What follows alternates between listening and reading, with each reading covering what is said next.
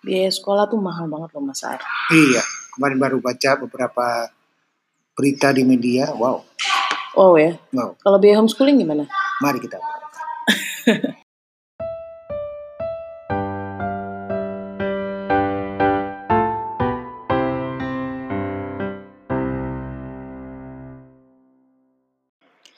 Jadi eh, berapa biaya sekolah? Yang Hmm. Mas baca di media. Aku Ya, minggu lalu eh, sempat baca di beberapa berita di media kan ternyata sekarang ini kan sudah mulai pendaftaran sekolah. Oke. Padahal masih bulan Desember. Wow. Aku juga baru Eh, tunggu tunggu. Sekolah itu masuk Juli.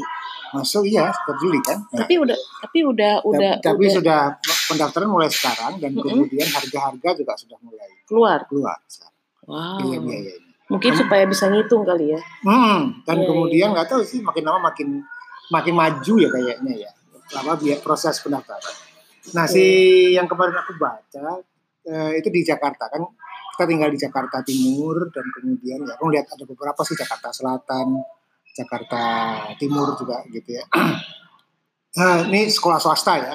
Eh, yang aku lihat sih yang medium gitu ya itu sekitar hampir 40 juta. Apanya tuh? Uang masuk. Uang pangkal, uang masuknya. Oh, oke. Jadi biaya-biaya yang dikeluarkan di awal pada Mhm. waktu mendaftar SD itu Mhm. sekitar 40 juta. SD ya. SD dan kemudian eh, uang bulanannya sekitar 2 juta. Oke. Gitu. Ya ada sih yang lebih rendah sekitar 20-an sekian tapi sudah level 20-an sekian Mm-mm. dan kemudian eh, ya yang lebih tinggi lebih banyak lagi gitu ya. Wow. Hmm. Dan itu kan nggak Itu banyak. medium ya? itu itu ya menengah menengah Mm, atas mm, gitu, mm, mm. swasta gitu ya. Kemarin juga ketemu pada waktu di Surabaya ngobrol sama seorang parent yang eh, me- ya sudah beberapa kali ikut webinar dan Mm, mm. kemudian pengen homeschooling gitu ya karena alasannya eh, orang suaminya berpindah-pindah kerja gitu ya. Mm-mm. bekerja di marketing industri otomotif dan beberapa kali pindah dan kalau buat dia harus pindah sekolah itu Uang pangkal uang itu. pangkalnya itu kata dia gitu ya Eh, sampai total total sampai 20 sekian di atas 20 kata dia kan uang Hmm. pangkalnya dan kalau dihitung dengan bulanan bisa lebih dari 30 dalam setahun pengeluaran untuk eh, Sekolah. sekolah anak-anak. Jadi ya aku sih nggak kebayang ya. Tapi pada- homeschooling juga bingung gitu ya. Ya, terus kemudian mikir gitu, kalau homeschooling gimana gitu kan. Ya, itu, itu yang kemudian menjadi proses belajar orang tuanya. Hmm. Menarik sih karena kalau buat aku kita kan pada waktu dulu menjalani homeschooling nggak pernah mikir sampai sejauh ini ya. Iya, eh, ini sih apa namanya biaya tuh terjadi ketika kalau aku ya mulai itu waktu Yudis eh, udah ada Yudis, tapi sebelum waktu sebelum punya Yudis nggak kepikiran biaya. Kita Hmm. cuma betul-betul idealisme pengen eh, pokoknya cari cara apa eh, model pendidikan yang lain selain Hmm. formal. Itu kita udah obrolin di obrolan sebelumnya ya. Hmm. Tapi masalah biaya ini itu aku ingat ya waktu eh, Yudis masih belum setahun dan kemudian ada teman yang udah mulai masukin anaknya 6 bulan tuh udah mulai masukin ke sekolah bayi Ah, itu oke. loh. Ya, ya, ya. Dan kemudian dia cerita, mereka bajakin so aku pikir, wih se- seru juga ya. Terus aku bilang, ayolah ikut yuk asik kok gitu kan. Terus Hmm. aku pikir kan itu bukan sekolah kan, tapi Hmm. maksudnya tempat dia berinteraksi dengan anak lain, ini ini gitu. Terus kemudian, eh ya deh boleh gitu. Dan tempatnya bagus banget masa Hmm. gitu. Aku suka ada kolam renangnya lah, ada tempat playgroundnya, ada buat main-main, Hmm. eh, dress up, apa bagus banget gitu. Dan deket rumah kita waktu itu Hmm. kan. Cuma harganya ya, rasaku aja udah gede banget waktu itu. Padahal un- itu bukan bukan belum masuk ke titik pendidikan formal kan gitu. Hmm, hmm, hmm. Terus itu aku mikir, ih ini emang cakep sih, tapi kalau masuknya itu berapa ya? Berarti hampir 18 tahun yang lalu kan gitu. Hmm. Kalau masuknya aja eh, untuk ke playground playground ini sekian juta, terus bulanannya sekian ratus ribu gitu, terus hmm, gimana kalau sekolah gitu. tapi tapi tapi itu juga bukan maksudnya itu cuma cuma terlewat aja sih, cuma dan apa eh, mungkin sekarang lebih mahal lagi kali ya Iya. dari Dan eh, dari prasekolah aja udah mahal banget kali. lebih mahal dari biaya kuliah. Iya. Iya. Eh, ini yang kemudian menjadi tantangan dan menjadi hal yang memusingkan para orang tua kan karena orang tua kan nggak punya banyak pilihan Ya sebenarnya sih nggak ada yang Jadi- bilang ya masuk aja ke sekolah negeri kan itu dapat subsidi gitu kan. Ya, tapi kan juga kapasitas terbatas, juga kita bicara masalah kualitas, eh, Dan juga mungkin dan ada sebagainya. apalagi gitu kan. sekarang ada rayonisasi gitu kan ya. Hmm, gitu ya. Ada ada idealisme orang tua yang mungkin eh, tidak terpenuhi gitu ya. Eh, itu juga kemudian kan sulit gitu ya. Iya. Eh, menjadi hal yang menjadi hal yang yang bikin pusing gitu karena pada satu sisi merasa tidak cocok, tetapi pada sisi yang lain kemudian eh, Terus gimana? Iya. Iya. gitu. Iya sih, masalah biaya ini baru kerasa banget eh, bahwa ih untung nggak sekolah gitu ya. Itu itu setelah anak-anak mulai gede sih. Gitu. Anak Hmm. gede terus kemudian makin ke sini gitu ya. Eh eh, apa namanya mahal ya gitu. Jadi Nah, itu juga kemudian ketika orang kita homeschooling kan pertanyaan salah satu pertanyaan yang sering muncul kan tentang biayanya. biaya. Biayanya berapa? Seberapa mahal gitu ya. Karena di lapangan kan kemudian ada lembaga-lembaga yang dilabeli homeschooling gitu Ya, ya. lembaga-lembaga kursus yang kemudian memakai nama homeschooling Atau PKBM sebagai gitu ya. mereknya dan Mm-mm. kemudian ngecharge-nya mahal juga. Iya gitu. Jadi wow, homeschooling itu mahal gitu ya. Udah mana yang ikut homeschooling artis, Hmm. terus udah gitu eh, lembaga-lembaga berlabel homeschooling itu punya apa itu juga lagi apa Hmm. namanya uang pangkal juga Iya. bulanannya juga nggak murah juga gitu Ini yang kemudian menjadi hal yang menggemaskan. Karena kalau kita bicara homeschooling, kalau dalam pemahaman eh, ku kan gitu ya, itu kan sebetulnya sebuah alternatif ya, opsi Mm-mm. pilihan dari sebuah gerakan masyarakat bahwa masyarakat berdaya loh, keluarga bisa loh gitu.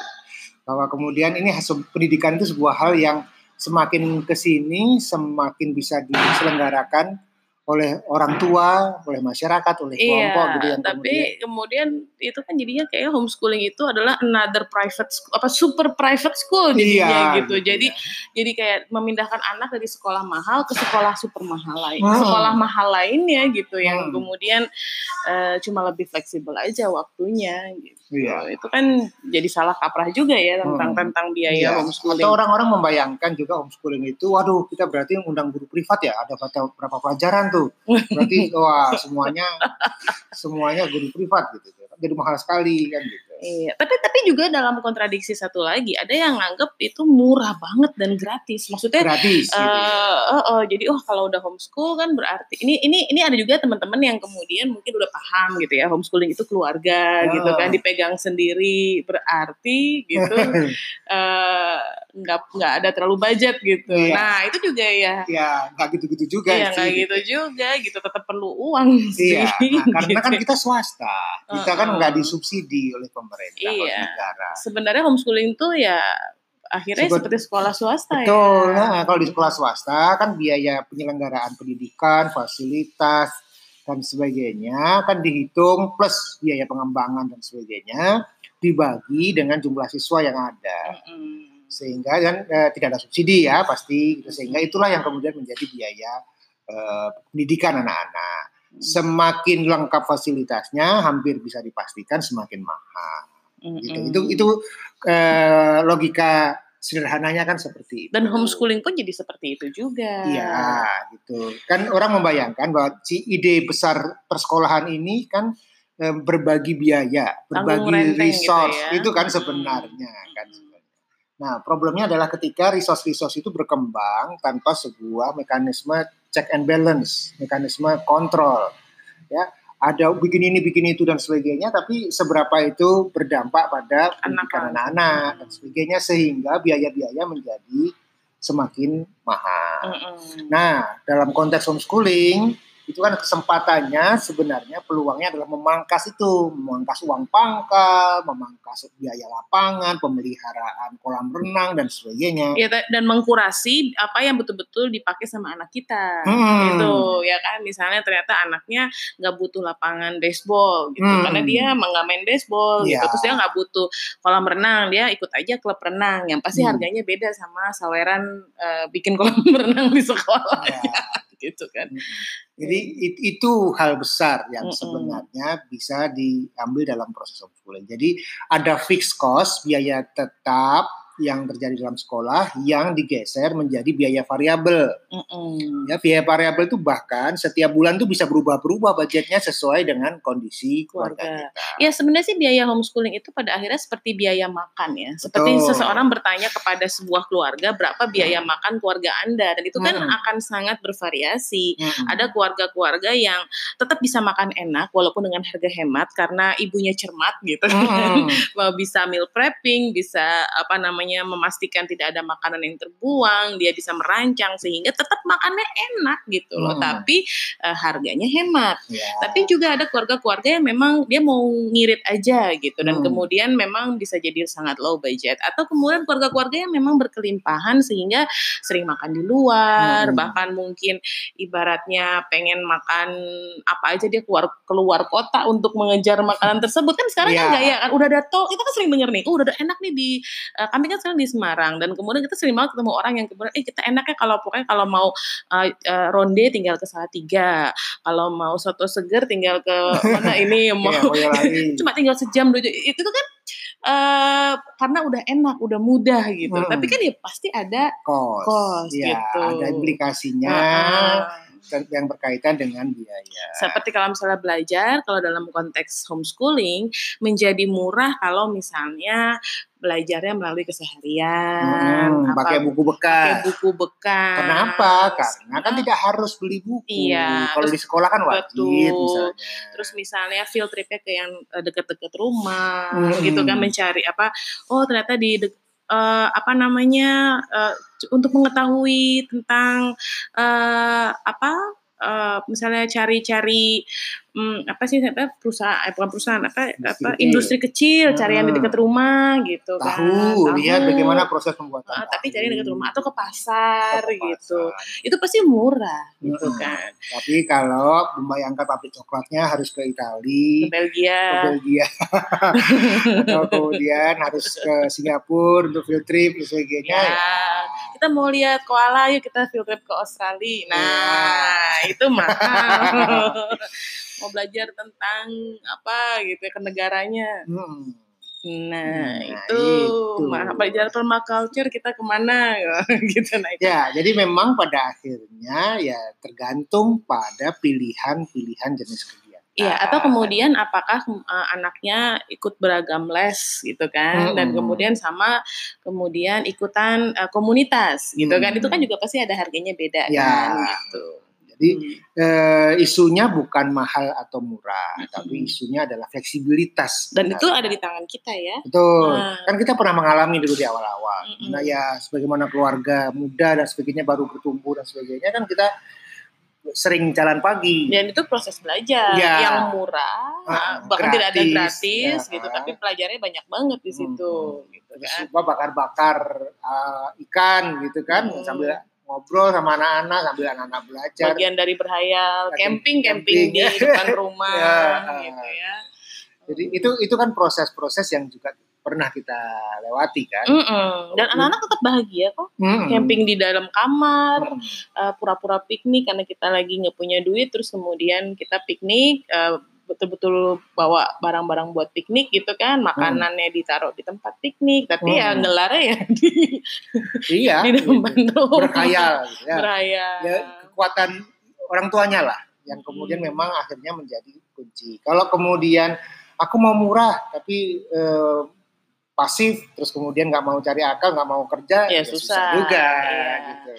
Ya murah itu juga kalau dalam kondisi kita karena kita juga bagi-bagi dengan komunitas Mm-mm. kan di klub puasa tuh misalnya kita mau waktu itu misalnya eh, belajar sulap kan nggak Mm. mungkin ngundang pesulap sendirian berapa biayanya tapi kalau begitu kita ba- bagi rata dengan teman-teman Ya, jadi jadi ini cari teman. cari teman Prinsipnya jadi mirip sekolah kan. iya tapi ada eh, ada tapi biaya yang tanggung renteng. Iya. Hanya sekarang biayanya eh, dihitung sama-sama, Iya. nggak ada yang ngambil untung, Heeh. ya kan? Terus kemudian ya itu kuncinya ya cari Iya, teman spesifik ya. spesifik jadi kayak misalnya oh kayaknya anak-anak udah butuh uh, skill survival terus kita Heeh. kemudian menghubungi uh, apa komunitas yang kelihatannya apa Pelatih ya. uh, pelatih gitu ya memang memang dia memang melatih uh, survival buat anak-anak terus ya kita ngobrol dia Hmm. hitung kita bagi rata sejumlah anak gitu Hmm. nah itu kan juga lebih jadi lebih kalau daripada kita sendiri gitu kan masak harganya juga gitu kan, masak bikin juga kue, gitu bikin kue kita bagi-bagi gitu kan Hmm. bahannya gitu Ya proses-proses seperti itu menjadi bagian yang terintegrasi dalam proses homeschooling. iya dulu Kreativitas orang tua. kreativitas orang tua Terus jangan gengsian Mm-mm. gitu loh ya, pakai bahan bekas nggak masalah. Mm-mm. Itu terus buku-buku kan yang penting substansinya Mm-mm. gitu. Yang penting adalah ilmunya dapat ilmunya. Gitu. dan dan itu juga sekarang kursus-kursus online itu Mm-mm. udah murah Ya, gitu salah satu kan. hal yang kemudian menghemat di dalam proses belajar kita itu kan kursus online. oh itu kerasa banget online. Jadi Iya. sebelum dilempar ke offline, Heeh. anak-anak biasanya kita pegang dulu. Iya. Kita sedikit berusaha belajar Iya. apa-apa yang menjadi ketertarikan mereka. Mm-mm. Kalau sebagai kita pintu masuk ya Pintu masuk Mm-mm. sambil kita temenin sambil kemudian cari online ada nggak ya Mm-mm. kelas-kelas yang bisa membantu belajarnya. iya Kalau tetap bertahan juga dan anak-anak sudah mulai naik, baru kita cari yang offline yang offline yang biasanya Iya. memang lebih mahal. Ya, jadi kayak misalnya kasus Yudis. Yudis itu kan me- mengenal uh, Photoshop, mengenal pokoknya hal-hal yang berbau grafis. Itu kan dari kita gitu kan. Hmm. Mungkin ada kerabat kita yang juga bantu gitu Hmm. kan, gitu kan. Dari Dia lihat, dia diajarin. lihat gitu kan. Terus dia Hmm. bertumbuh. Tapi in- intinya adalah masih gratis gitu kan. Hmm. Terus ketika kemudian dia mulai bertumbuh, dia mulai uh, minta les, tapi lesnya online, Ya, ya kan? Bahkan sebelum les di Mm-mm. online itu kan ada tutorial-tutorial gratis. Oh iya, ya dia kan? tutorial gratis. Mm-mm, heeh, dia praktekkan, iya, dicoba betul, gitu di iya. PSD Dia Tools di kalau nggak salah. heeh, di YouTube juga banyak dia suka ikutin juga. Tapi Mm. memang PSD Tools tuh banyak ya. Mm-mm. Terus habis itu dia mulai eh, dia suka sama eh, apa salah satu mentor kayaknya ya. Terus kemudian Hmm. dia kejar, ya ternyata tuh baru bayar kan dan Hmm. dia suka dan dia bayar gitu. Mm. Itu pun rasanya untuk online rasanya waktu itu lumayan Yang juga. mahal. Berapa ya kita dulu ya? Dulu berapa ya? 200 dolar kali ya. 200 dolar Ah, satu satu paket Salah gitu satu ya. paket sebulan nggak apa gitu. tuh. Hmm, tapi itu kan maju mundur, aduh kan kita nggak Uh-uh. pernah dan sebagainya gitu. Tapi akhirnya ya sudahlah tekatin aja. Gitu. Iya, tapi sejak itu kita lihat bahwa ternyata eh, kelas-kelas online seperti itu mem- memang sangat berharga gitu kan. Hmm. Tata pernah ikut kelas menggambar online, terus belum lagi yang yang memang standarnya anak-anak matematika, Hmm. bahasa Inggris itu kan Hmm. kita pakai Online. praktis pakai online. Ya, gitu. itu yang itu yang menghemat. Dan itu sangat hemat sekali. Matematika itu nggak sampai 300 ribu kan Hmm. setahun. Iya, gitu. bahkan catur pun kan Iya, catur duta online. Diawali dari aplikasi, Mm-mm. terus kemudian membership dan sebagainya. ikut langganan di online. online. Iya. Eh, bahkan kemudian coachingnya pun online. Coachingnya iya, coachnya duta sekarang pun online. Iya, karena kalau kalau di level coachnya dia yang sekarang kalau sekali datang itu sudah sekitar 500 ribu sekali datang. Nah. Yes, kan? Karena nggak mungkin sekali ya, sebulan. kan kita bicara tentang standar eh, gurunya, Mm-mm. standar pengajarnya yang memang kita kejar kan. Mm-mm. Nah, di level duta sekarang itu standarnya itu sekitar 500 ribu sekali datang. Nah, tapi karena online menjadi lebih murah. Iya. Itu yang yang kemudian eh, berbeda. Nah, tantangannya adalah memang mengajari anak-anak untuk Mm-mm. belajar online. Iya, nemenin murah. prosesnya, nggak Nemenin cuma prosesnya. didaftarin terus kemudian ditinggal dan merasa anaknya pasti udah bisa. Nah itu yang Hmm. kadang-kadang suka nggak berhasil. Kayak misalnya dalam pengalaman anak-anak kita kan.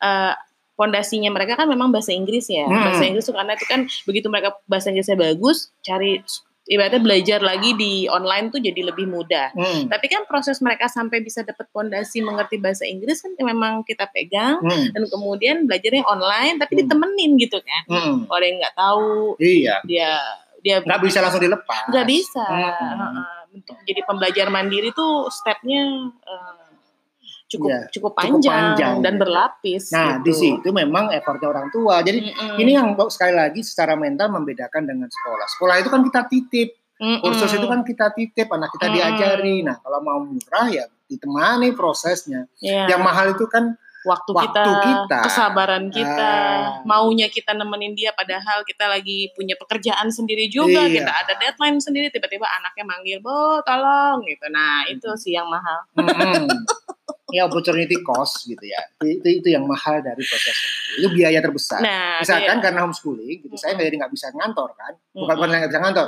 itu pilihan. Tapi saya eh, kalau waktunya dialokasikan untuk mencari uang kan jadi berbeda. Ini alokasi Mm-mm. waktunya dialokasikan untuk menemani proses anak-anak. Iya, atau kemudian bisa juga kita menolak eh, Proyek. apa proyek atau apa karena itu anak-anak lagi ada tanding atau Hmm. anak-anak lagi ada apa yang kita udah aduh nggak bisa nih proyek apa tuh proyeknya eh, lumayan gitu ya, Hmm. tapi kemudian ada sebuah hal yang buat kita lebih Penting. mungkin tidak ada uangnya Ah. gitu atau mungkin kita malah keluar Oh. uang di situ, tapi secara value itu cocok dan ya itu yang mahal Hmm. Sebenarnya pertukaran-pertukaran seperti itu yang Iya. yang Jadi isunya kalau kita bicara biaya homeschooling pertama Mm-mm. adalah itu adalah fleksibilitas bukan Mm-mm. mahal. bukan It- it's in our control. Ya, itu ada di kontrol kita. Mm-mm. Ya, kita mau seberapa besar keluar dana tergantung kita, gitu ya. Mm-mm. Budgetnya maupun pola jenis kegiatannya. maupun standar yang kita Standar kejar. yang kita kejar. Kemudian yang kedua, kalau kita bicara ingin biaya yang bisa lebih murah ya, Kemampuan manajemen. ya. iya. Jadi trade off-nya sering kali adalah eh, waktu. Iya. Ya, energi kita menjadi lebih banyak untuk mengejar supaya lebih murah, kreativitas, Manajemen waktu itu. manajemen waktu itu yang Balik lagi ke situ. Hmm. Terus untuk teman-teman yang sudah punya budget eh, sekolah, saya aku kemarin waktu di Surabaya menyarankan gini, kan sudah punya budget tuh 30 juta setahun untuk eh, sekolah. Nah, Jangan turun. ketika ya, ketika homeschooling jangan turun. Nah, itu kan berarti Anda punya budget sekitar 2, sekian juta gitu ya. 2 juta lebih untuk kegiatan bulanan anak-anak. Nah, itu yang dikelola, mau beli buku lah, mau jalan-jalan, ya Mau beli les, laptop. mau nah, begitu yang kemudian eh, tetap bisa mendapatkan hasil eh, yang sama bahkan mungkin lebih baik karena semuanya ada dalam.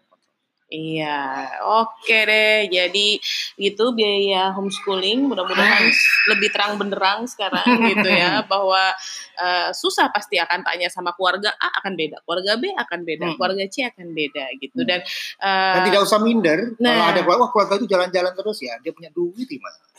Keluarga kita itu budget dia kalau sekolah di ono gitu. Iya, kalau dia sekolah dia sekolah di swasta yang itu tuh gitu.